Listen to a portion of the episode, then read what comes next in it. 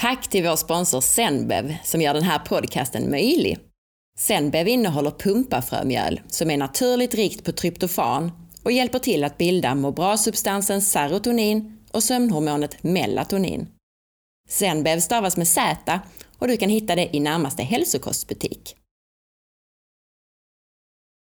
Hej och välkommen till For Health med Anna Sparre. Idag ska vi prata med grundaren av LCHF. Det handlar alltså om Annika Dahlqvist, läkaren bakom många tidningsrubriker och en av Sveriges mest kända kostprofiler. Lite kort information innan vi sätter igång. För dig som vill lära dig mer grundligt om kost och hälsa så börjar nästa omgång av kursen Ät dig frisk och smal den 13 april i Kåseberga i södra Skåne. Mer information finns på forhealth.se kurs i Ystad. För dig som inte bor i Skåne så finns det också en distanskurs som du kan gå antingen online eller i form av brev. Under nio veckor så får du då kursavsnitt och har hela den tiden också fri rådgivning via e-mail.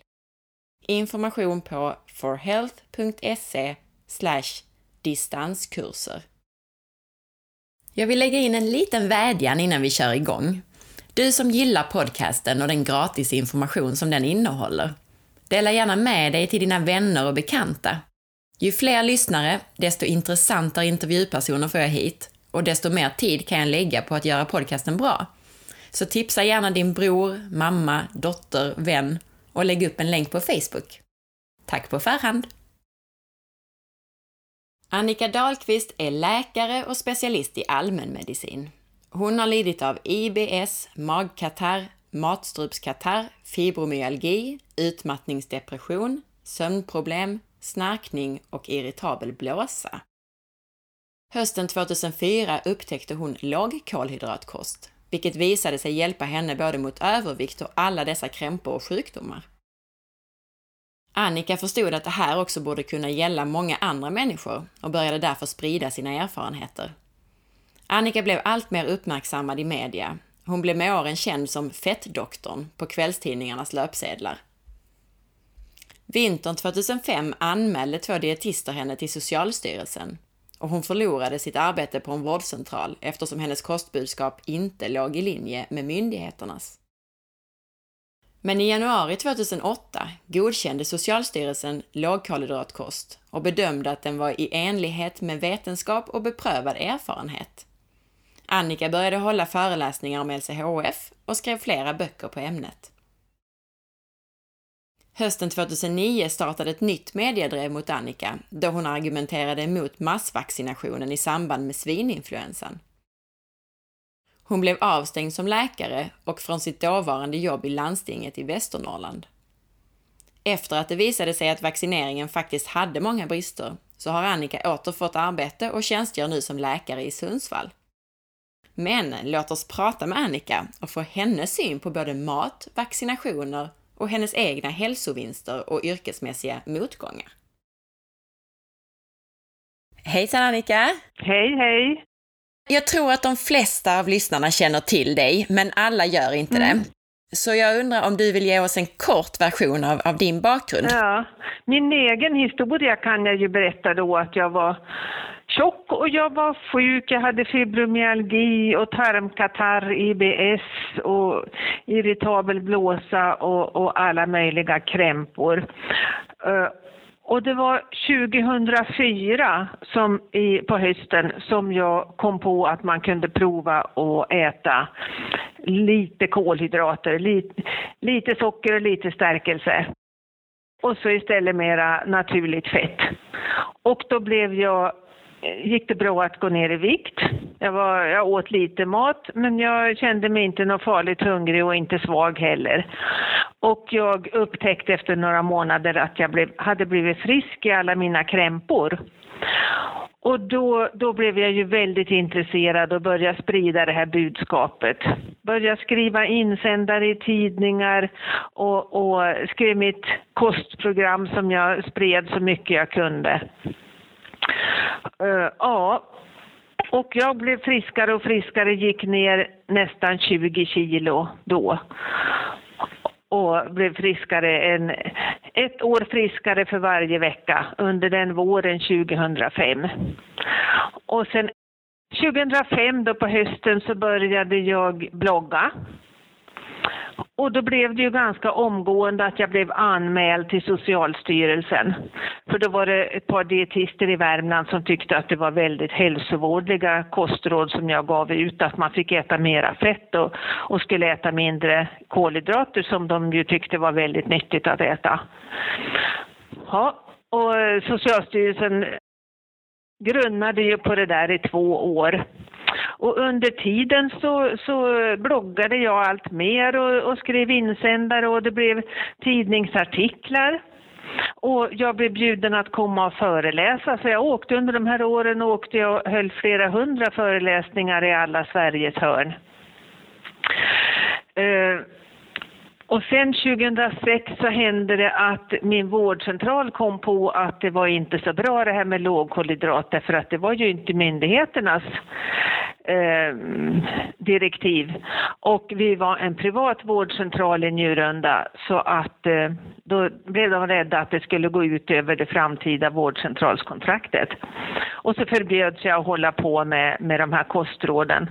Och det gjorde att jag blev tvungen att säga upp mig i november 2006.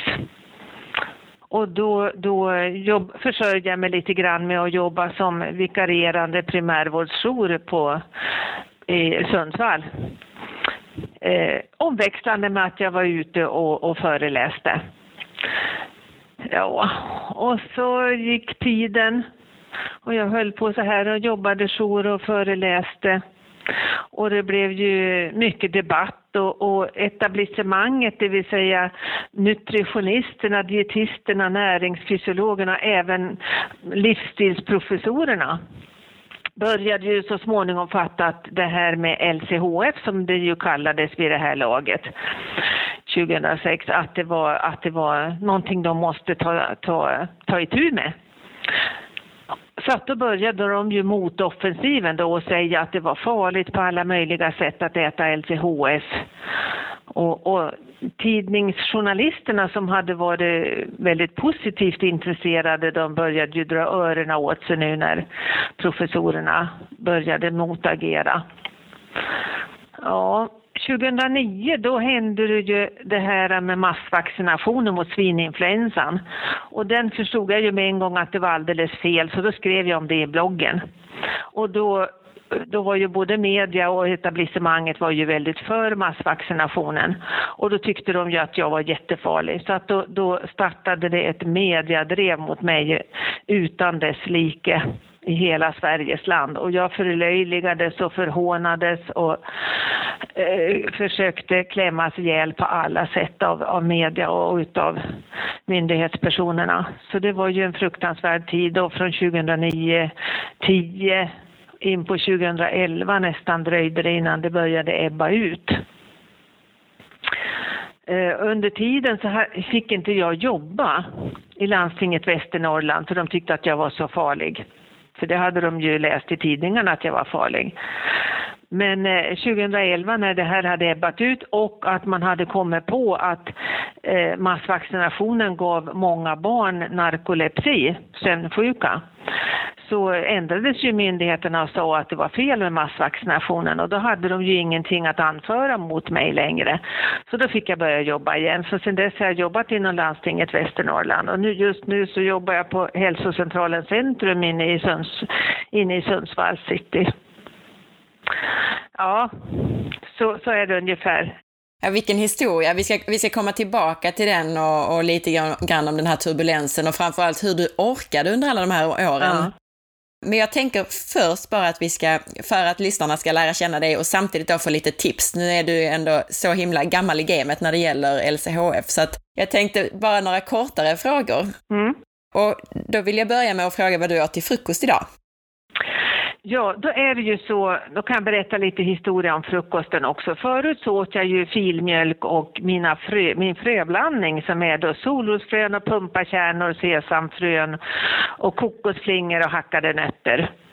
Eh, men sen så blev jag ju smittad av det här med fettkaffe för ett par år sedan. Ja, och så skulle jag dricka fettkaffe morgon så då, då drack jag kaffe med kokosfett på morgonen och ingen fast föda alls då. Och det gick ju bra. Jag höll mig ju bra nöjd långt in på förmiddagen. Men ändå när det liksom gick om månad efter månad och år så kände jag att jag saknade den där gamla frukosten.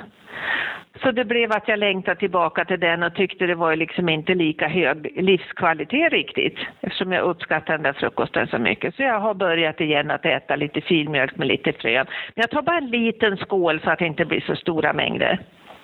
Och sen dricker jag kokosfettkaffe efteråt. Och det står jag mig väldigt fint på hela, hela förmiddagen. En sak till som jag gör det är att jag tar en halv tesked utav sån här Celtin-salt som innehåller lite magnesium och lite olika. Som, eftersom eh, det, jag har insett att det är risk att vi får i oss för lite salt. Inte minst när man äter LCHF så finns det ja, rapporter som tyder på att vi kanske får, får lite för lite salt. Så därför tar jag det. Och jag tycker att jag mår bra på att ta lite extra Celtin. Mm. Ja. Bra tips. Vad åt du till middag igår? Ja, det är ju så att om min man har ätit på jobbet lunch så då känner inte han sig så, så eh, motiverad för en ambitiös middag. Så då blir det att då gör vi lite äggröra med lite bacon i och, och lägger lite ost emellan och sen viker ihop det där och äter den där lilla äggkakan. Med sallad, med grönsallad till. Ja. Och då gör jag en liten grönsallad på, på isbergssallad och blomkål och tomat och gurka sådär vanligt med, med olivolja och lite vinägerdressing till. Och det tycker vi är lika gott varje dag. Mm, jag håller med. Det låter ja. jättegott verkligen. Ja, och enkelt. Ja, men precis. Äter du något eh, tillskott förutom det här seltinsaltet som du tar på morgonen? Ja, det är ju någon D-vitaminkapsel ibland då, när jag kommer ihåg det, under vinterhalvåret. I övrigt är jag dålig. Om jag får någon vadkramp någon gång så då kan jag ta en magnesiumtablett, men annars glömmer jag bort det också. Men jag har ju egentligen åsikten att vi behöver lite tillskott av magnesium efter, eftersom våra jordar är urlakade på mineraler. Så är ju magnesium en mineral som vi kan få brist på. Ja, är det något annat eh, mineral som du tänker att man borde ta tillskott Nej, av? Jag tror att jag får lite mineral i det där celtinsaltet. Jag hoppas på det. Ja. ja. um, vad, har du något sömntips, alltså när det gäller sömnen? Åh, det är, ju, det är ju det där att man ska, om man är uppstressad och sådär, att man måste hitta eh, metoder att, att hjälpa till att somna. Att verkligen slappna av och gå in i sömntillstånd. Och hur det ska gå till, ja, man, klarar man det inte själv så får man väl höra om det går att få någon kognitiv beteendeterapi eller någonting. För det hänger ju väldigt mycket på det, på det psykologiska där, att man lyckas slappna av, koppla av så att man kan somna. Ja, och det är svårt för många och det, jag har ingen bra lösning i övrigt. Nej, nej men det var väl jättebra. Ja. Ägnar du dig åt någon fysisk aktivitet och vad gör du då?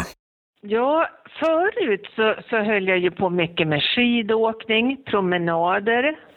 Ännu längre tillbaka så, så sprang jag eller joggade när jag var i stånd till det. Men sen har jag blivit, har blivit problem med knäskada. Mitt högra knä har jag skadat flera gånger så att det är, det är väl lite artros i det utav det. Men just sista halvåret här har blivit lite bättre igen. Förra hösten så gick jag med två käppar på grund av smärta i knät. Men nu kan jag gå utan käppar och det är ju fantastiskt. Så att jag, jag är så glad över att jag kan gå nu och jag tar ju lite promenader då. Och så försöker jag väl ta mina hantlar ibland och, och träna armarna lite sådär. ja. ja. Tack så mycket för de svaren. Ja. Jag tänkte också fråga dig Annika, var kommer begreppet LCHF ifrån? Ja, det kom ju utav att vi hade år 2005-2006 så hade vi en mejlgrupp eh, och som blev en Yahoo, sluten Yahoo-grupp då, där vi diskuterade allmänt omkring det här med lågkolhydratkost och, och fetternas betydelse och sådär. Och så pratade vi en hel del med varandra om vad ska den här kosten heta? Och då var det en som sa, han hette eh, Mats Forsenberg, som sa att det finns inget annan, ingen annan beteckning som är möjlig än att kalla det för LCHF, Low Carb High Fat. Ja, det var ingen av oss andra som kom på något bättre heller och då började jag att införa det i bloggen. Kalla det för LCHF den här kosten och på den vägen blev det. Så att det är ju, det är väl kanske min främsta pionjärinsats att jag har infört begreppet LCHF i, i världsnomenklaturen eftersom det börjar sprida sig över världen. Ja, precis. Jag tänkte säga det. Det måste vara en häftig känsla ja. nu när det är så vedertaget. Det är, inte, det är inte en enda svensk som kan ha missat det och dessutom så har det nu även blivit vanligare utomlands. Jag har hört ja. det i Australien och USA. Och... I Australien, Sydafrika och eh, USA. Ja, så det är fantastiskt. Det verkligen. verkligen. Ja. Men apropå det här, alltså du var ju en pionjär verkligen när det gäller att äta en högfettskost. Eh, mm. Och det jag undrar är, varför var inte du fettskrämd när alla andra var det? Jo, men jag var fettskrämd. Utan det var när jag började äta mindre kolhydrater, så då, då blev man ju väldigt hungrig och kändes ju svag och urlakad. Och då kommunicerade jag med Uffe Ramskov en läkare i Lund som ända sedan 80-talet har sagt att fett och kolesterol är inte farligt utan det är nyttigt. Och han, och han såg mitt kostprogram och där hade jag ju skrivit lättfil och lättmjölk och, och allting skulle vara lätt. Och han svarade ta bort allt lätt. Vi ska inte äta fettsnålt utan vi ska äta generöst med fett. Och jag tyckte då att då kunde jag lika gärna tro på honom för då hade ju jag tappat förtroendet för etablissemangets fettsnåla kostråd. Och då började jag äta mera fett och slutade att vara fettskrämd och upptäckte att jag fortsatte att gå ner i vikt men kände mig inte längre lika hungrig och svag. Så det var ett mirakel. Verkligen. Ja. Livskvalitet och hälsan. Och det var ju det som, det var det som gjorde att jag blev frisk. För hade jag fortsatt att äta lågkolhydrat, lågfett och lågkalori så hade jag ju blivit undernärd. Mm. Ja. Precis. Mm. Kände du dig som en eh, första testkanin så att säga, när du eh, började äta så här? Alltså, ja, det gick ju till så att det var min dotter som kom hem från Umeå där hon läste medicin, läkarlinjen, och, och berättade om en, en eh, eh grupplaboration som de hade haft den veckan. Där de olika grupperna åt olika bantningskoster och hon hade gått med i lågkolhydratgruppen. Och jag blev ju väldigt intresserad och hon hade gått ner några kilo den veckan de hade hållit på med det där och jag ville ju också gå ner några kilo. Och när vi satt där och pratade om det där och tittade på näringstabeller och vad man kunde äta som, som då var mindre än 5, 5 gram per 100 gram, 5 procent eh, kolhydrater, så kände jag att det började växa någonting inom mig, att detta är världsrevolution och jag kommer inte att lägga fingrarna emellan. Utan om det här fungerar, då kommer jag att föra ut det i världen. Det var den känsla jag fick då. Sen dess har jag fortsatt på den vägen. Vad härligt. Det låter som att det var ett kall på något sätt. Ja, jag kände att det här är verkligen viktigt för världs, världshälsan. Är LCHF samma sak idag som när du började äta lågkolhydratkost? Alltså det har ju blivit så många människor som har olika åsikter om det där och det är ju ofrånkomligt när det, när det sprider sig att det blir olika åsikter. Men jag står ju för ungefär samma sak och jag kan ju inte annat än, än att föra ut vad jag tycker. Det som har hänt för mig det är väl Ja, alldeles från början så var, hade jag ju ingen skillnad på fetterna. Utan då tyckte jag man kunde äta majsolja och solrosolja men det, det fick jag ju snart reda på att det inte var bra omega-6-oljorna. Så att det är ju det, det ena då, att jag har stramat in mig på fettkvaliteterna. Och det andra är att jag har fått mera klart för mig att det är ju sockret, fruktosen, som är det viktigaste att försöka undvika helt och hållet. Och att stärkelsen eh, tål vi att äta lite grann. För, vi, för det, varje stärkelsemolekyl blir ju blodsocker. Vi, och vi, vi består ju av lite blodsocker så att lite grann sånt kan vi ju tåla då. Men, men eh, vi ska ju försöka hålla ner det för att, för att hålla nere på, på blodsockret. Och det får ju var och en prova sig fram till. Men själva fruktosen, det som smakar sött, det, det kan vi försöka låta bli helt och hållet. Och det, det känner jag ju själv att det är svårt i längden. Och jag, när jag blir bjuden på en tårta och bulle och kaka så, så har jag svårt att låta bli. Det var, det, jag hade lättare för det första året, för då var jag ju så, så väldigt engagerad. Men när mm. åren går och motiverad så, så kanske det, också. Mm. Och väldigt motiverad då, ja. Men, men när åren går så, så orkar man inte vara lika eldsjäl och då blir det att man tar en tårtbit ibland. Mm. Så det är svårt. Men, men har man, om man sköter om sin kost helt själv, då, då kan man ju klara sig. Men är man ute i världen så är det ju problem när det bjuds på söta saker. Ja, man får ju hitta det som fungerar mm. i längden för en själv, så är det ju. Ja, ja. Men det är svårt tycker jag. Ja, men definitivt. Och det är ju skönt att höra att du också är mänsklig på det sättet, att du också har sådana känslor. Ja, precis. Ja, mm. Men om vi tänker på den stora massan i, i Sverige som, av de som äter LCHF, tycker du att de äter som man ska äta eller är det någonting som har förändrats nu i, i utvecklingen av LCHF-begreppet så att säga? Ja, jag kan ju inte överblicka allting. Nej.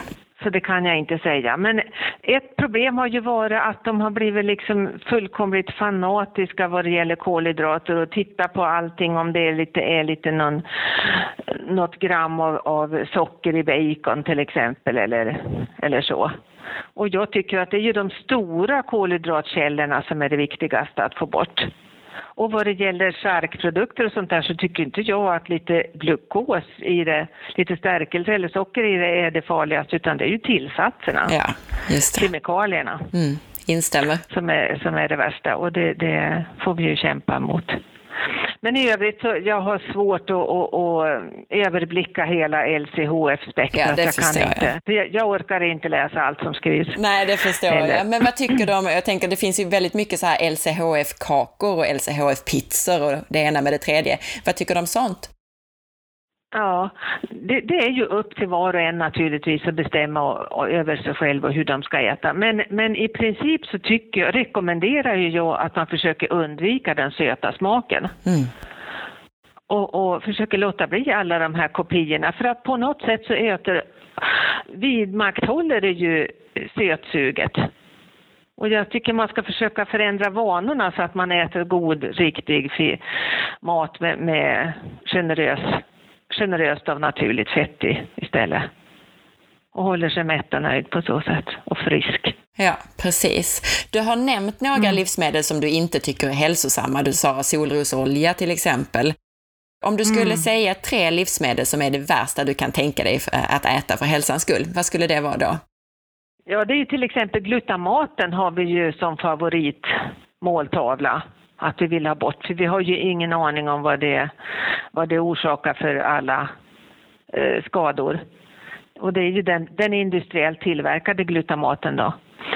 Eh, ja, och så sen är det ju margarinet, lättmargarinet och alla, alla margariner. Jag tycker vi ska äta naturligt fett och inte hålla på med industriprocessade fetter. Och sen är det ju majsoljan, solrosoljan och alla oljorna med, med omega-6 i. För att vi får ju i oss alldeles för mycket omega-6 om vi äter dem. Så det är väl mina tre hat, hatobjekt. ja, men tvärtom då, om man skulle säga de tre bästa livsmedlen för hälsan? Ja, då är det ju, då är det ju fettet då.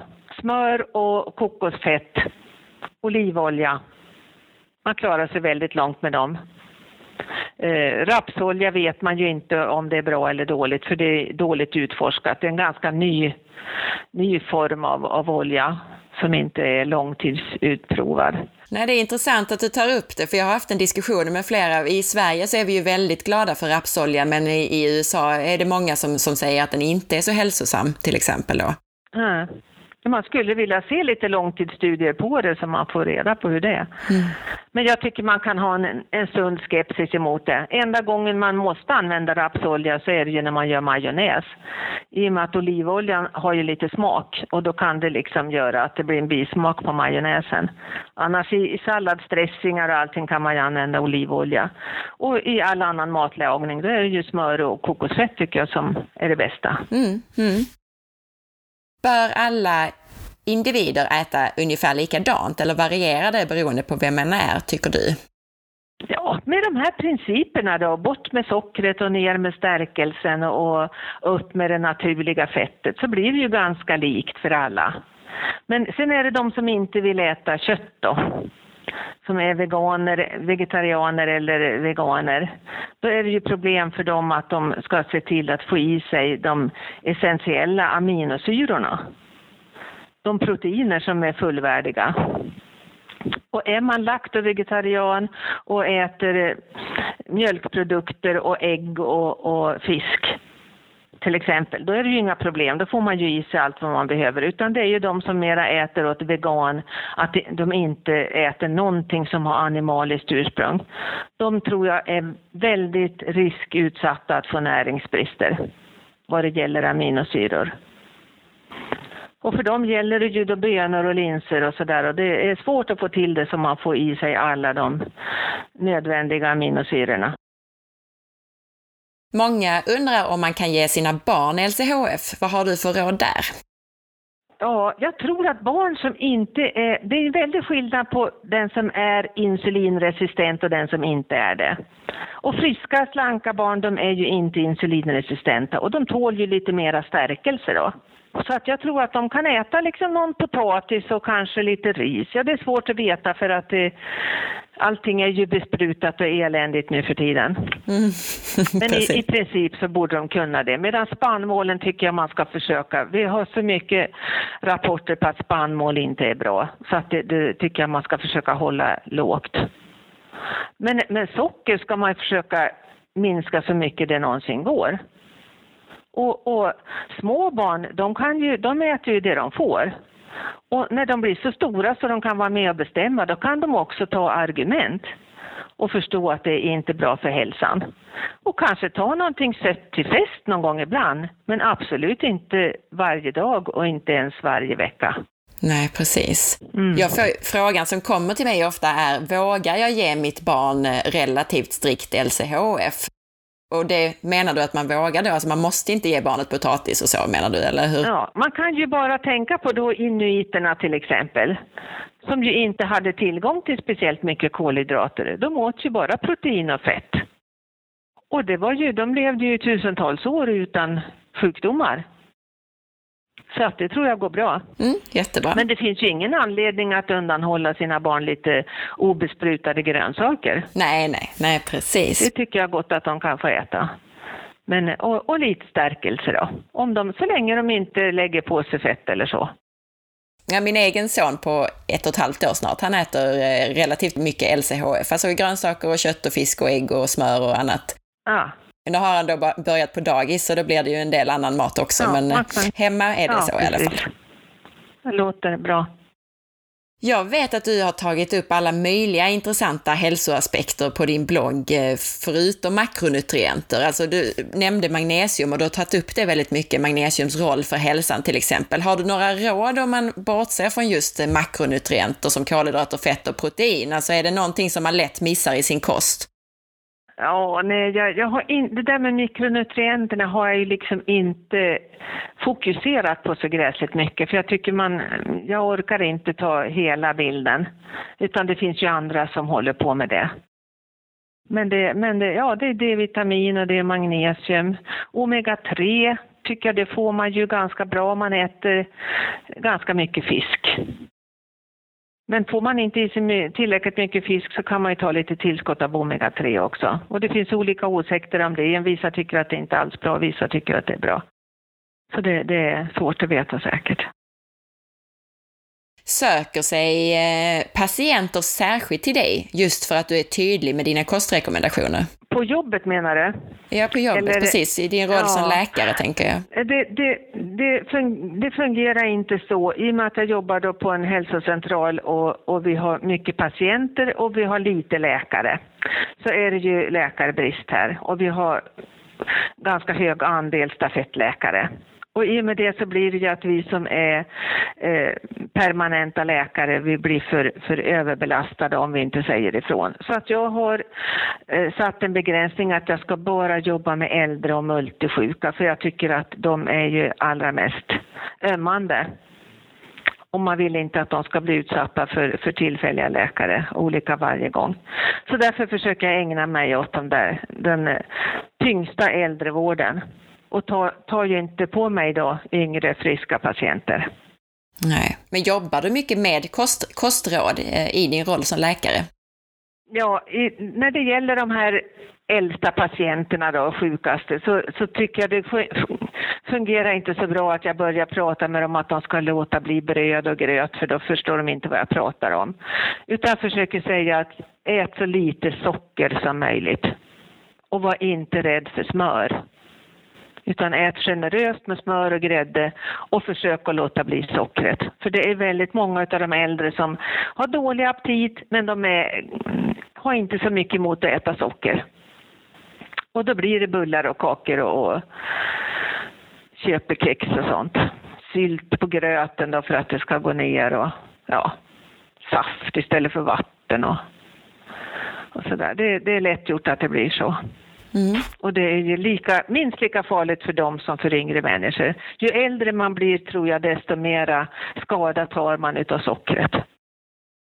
Jag tänkte också, du nämnde ju vaccinationer innan lite grann, svininfluensavaccinationen, mm. när du berättade om din bakgrund. Mm.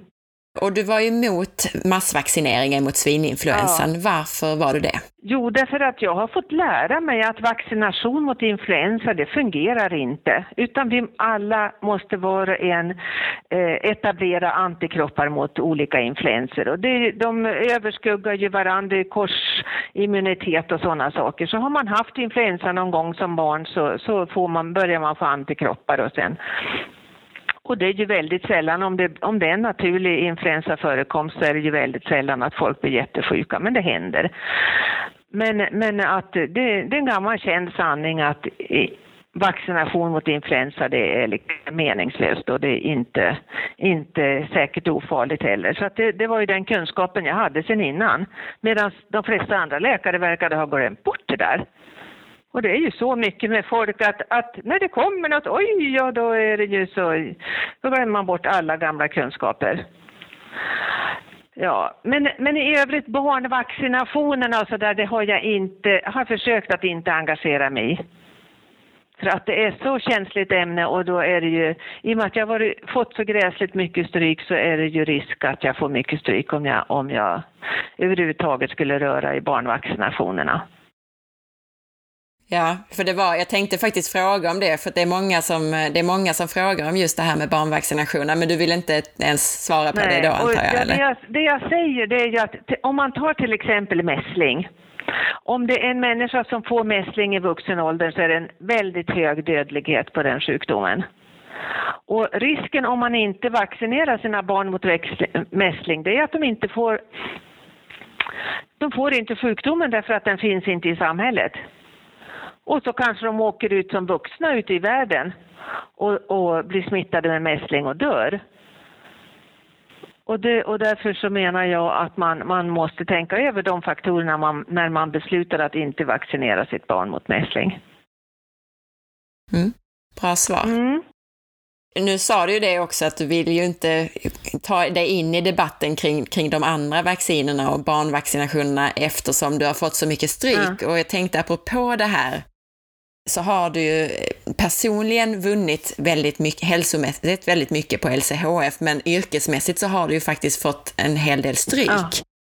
Och du har haft eh, turbulens och motgångar under årens lopp. Vill du berätta lite? Du har förlorat två jobb, tänker jag, på grund av dina åsikter om kost. Och hur, hur kommer det sig att du inte gav upp?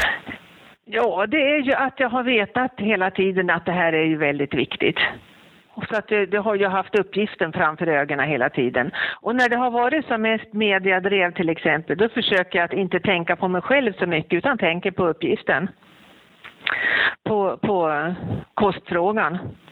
Och försöker att koncentrera mig på det och glömma bort mina egna sorger och bekymmer. För det, jag har ju ändå inte kunnat ta kampen, för det går inte att ta kampen mot media finns ju inga, ingen möjlighet utan det är ju bara att försöka liksom få folk att glömma bort det och tänka på andra saker. Så det är ju min, min strategi. Det. Och så har det varit viktigt för mig att inte göra mig ekonomiskt beroende av kostfrågan. Att inte liksom förvänta att jag ska tjäna några pengar på det. Nej. Så då, då, är man ju, då, då, är man ju inte illa utsatt så. Utan därför har jag försökt jobba. Men vem eller vilka är det som har varit dina värsta motståndare? Alltså du behöver inte nämna namn utan du kan svara generellt tänker jag. Ja, alltså det är ju de här professorerna då som, som håller på med, med Röstner och Maj-Lis Helenius och Claude Marcus och, och så som har, de som blir tillfrågade det blir ju praktiken de då som är de främsta. Men sen finns det ju massor av motståndare som man inte ens vet om. Ja. Och sen media är ju eh, svårt, svårt att ha media, folket som, som eh, motståndare. Mm. Därför då är man ju helt maktlös. Precis. Har du ofta känt dig misstolkad eller felciterad av media? Ja, men hur när, om man tar 2009 till exempel då det var som värst så kom de ju och eh, smickrade och de skulle göra, på, de var så positiva. Och det var ju bara, de bara luras. För sen kom ju världens gräsligaste artiklar. Så de har ju varit fruktansvärt eh, bedrägliga emot mig då. Nu, händer, nu är jag ju inte så mycket i tidningen överhuvudtaget. Men om det kommer en snäll journalist och jag verkligen mm, känner att det här är bra och så ger jag en intervju och sen kommer rubriken, för då är rubriksättaren en annan. Och så är det fettdoktorn då med stora saftiga svarta bokstäver. Så där fettdoktorn har ju blivit en belastning ja, så, ja, när, när eh, drevet har gått. Men minns du vilken tidningsrubrik eh, som var värst? Nej, jag kan inte säga. Jag har liksom eh, förträngt det där. Mm. Jag frågade Anna Hallén som var min förra intervjuperson om hon hade någon fråga till dig och hennes fråga var just på det här temat. Hon sa att hon beundrar verkligen din styrka och undrar hur orkade du när det blåste som värst? Ja, men det, men det är ju så, vad, skulle, vad hade jag för alternativ? Ja, jag tror att många, att många liksom hade bara, nog gett bara lägga av allting, det, det, klarade jag liksom inte. En gång för många år sedan så, så var det någon som gjorde mig ledsen och då, då skrev jag i bloggen att nu tar jag time-out. Mm. Men sen dröjde bara några timmar så hade jag något intressant att skriva om igen. Så då var det någon som kommenterade, kommenterade att det var världens kortaste time-out. sen dess har jag inte gjort det mer utan jag tänker det får, det får ge sig och försökt att inte, inte bry mig så mycket. Nej, du är verkligen en eldsjäl som har banat väg för, för många. Jättefint är det. Kommer mm. LCHF bli det som rekommenderas till allmänheten i framtiden, tror du? Jag vet inte. Och, och, vi kan inte vänta och vänta på att etablissemanget ska ändra sig.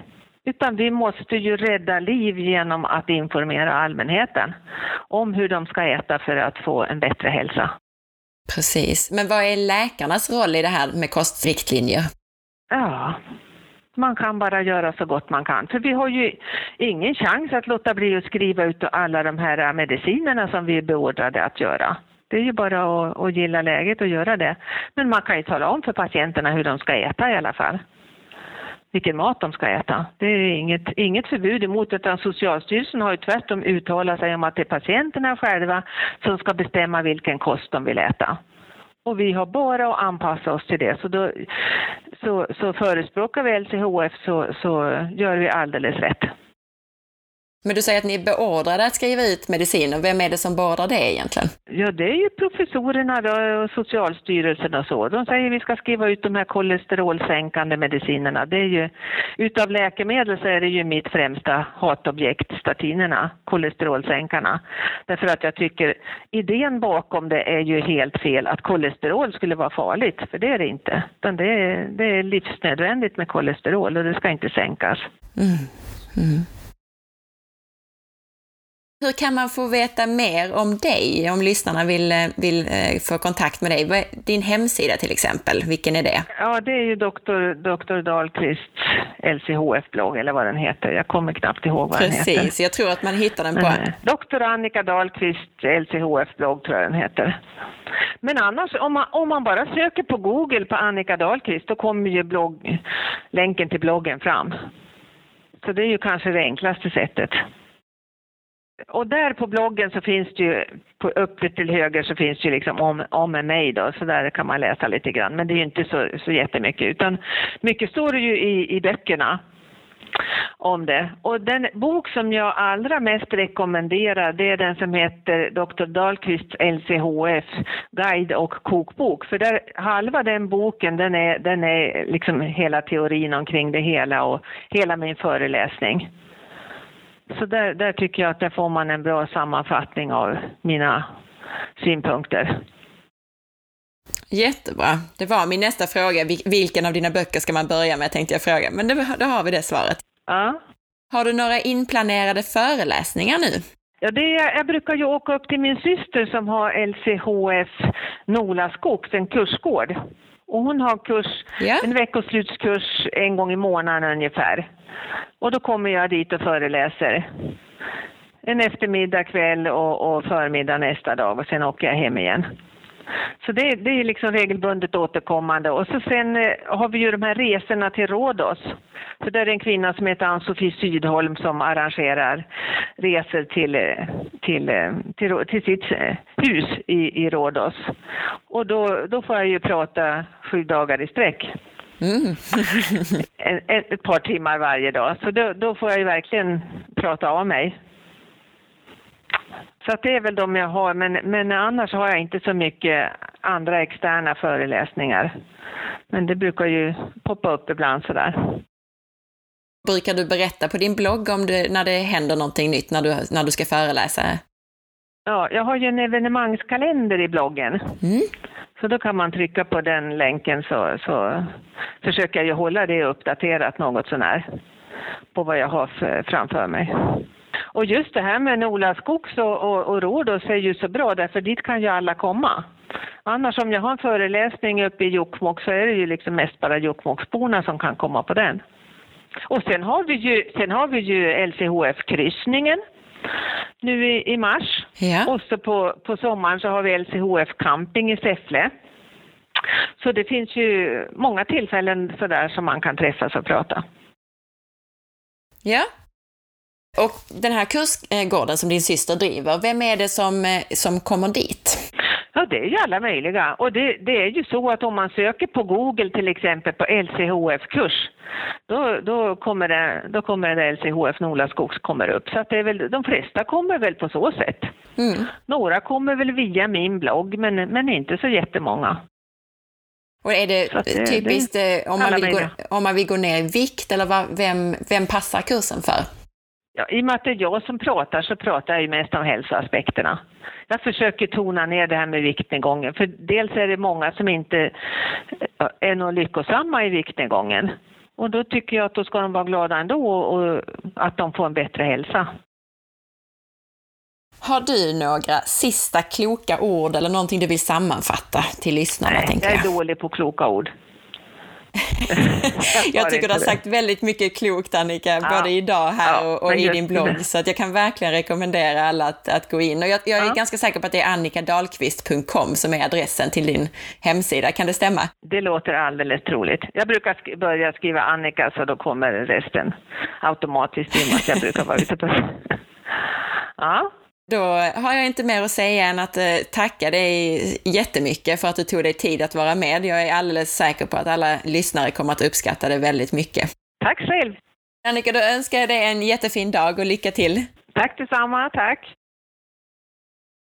Tack för att du lyssnade på den här intervjun och podcasten. Vill du ha mer information eller ställa frågor? Gå då till forhealth.se. Missa inte heller att följa med på Facebook facebook.com forhealth.se och på Instagram under asparre. Gå gärna in i iTunes och lämna betyg och recension. Och dela gärna med dig av avsnittet till en vän. Det gör du genom att söka fram podcasten For Health med Anna Sparre i iTunes. Om du är i iTunes på din dator så klicka på pilen bredvid knappen prenumerera.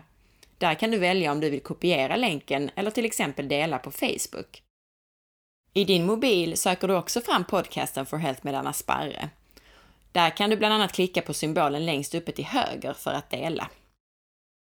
Ha en underbar dag och ta hand om dig!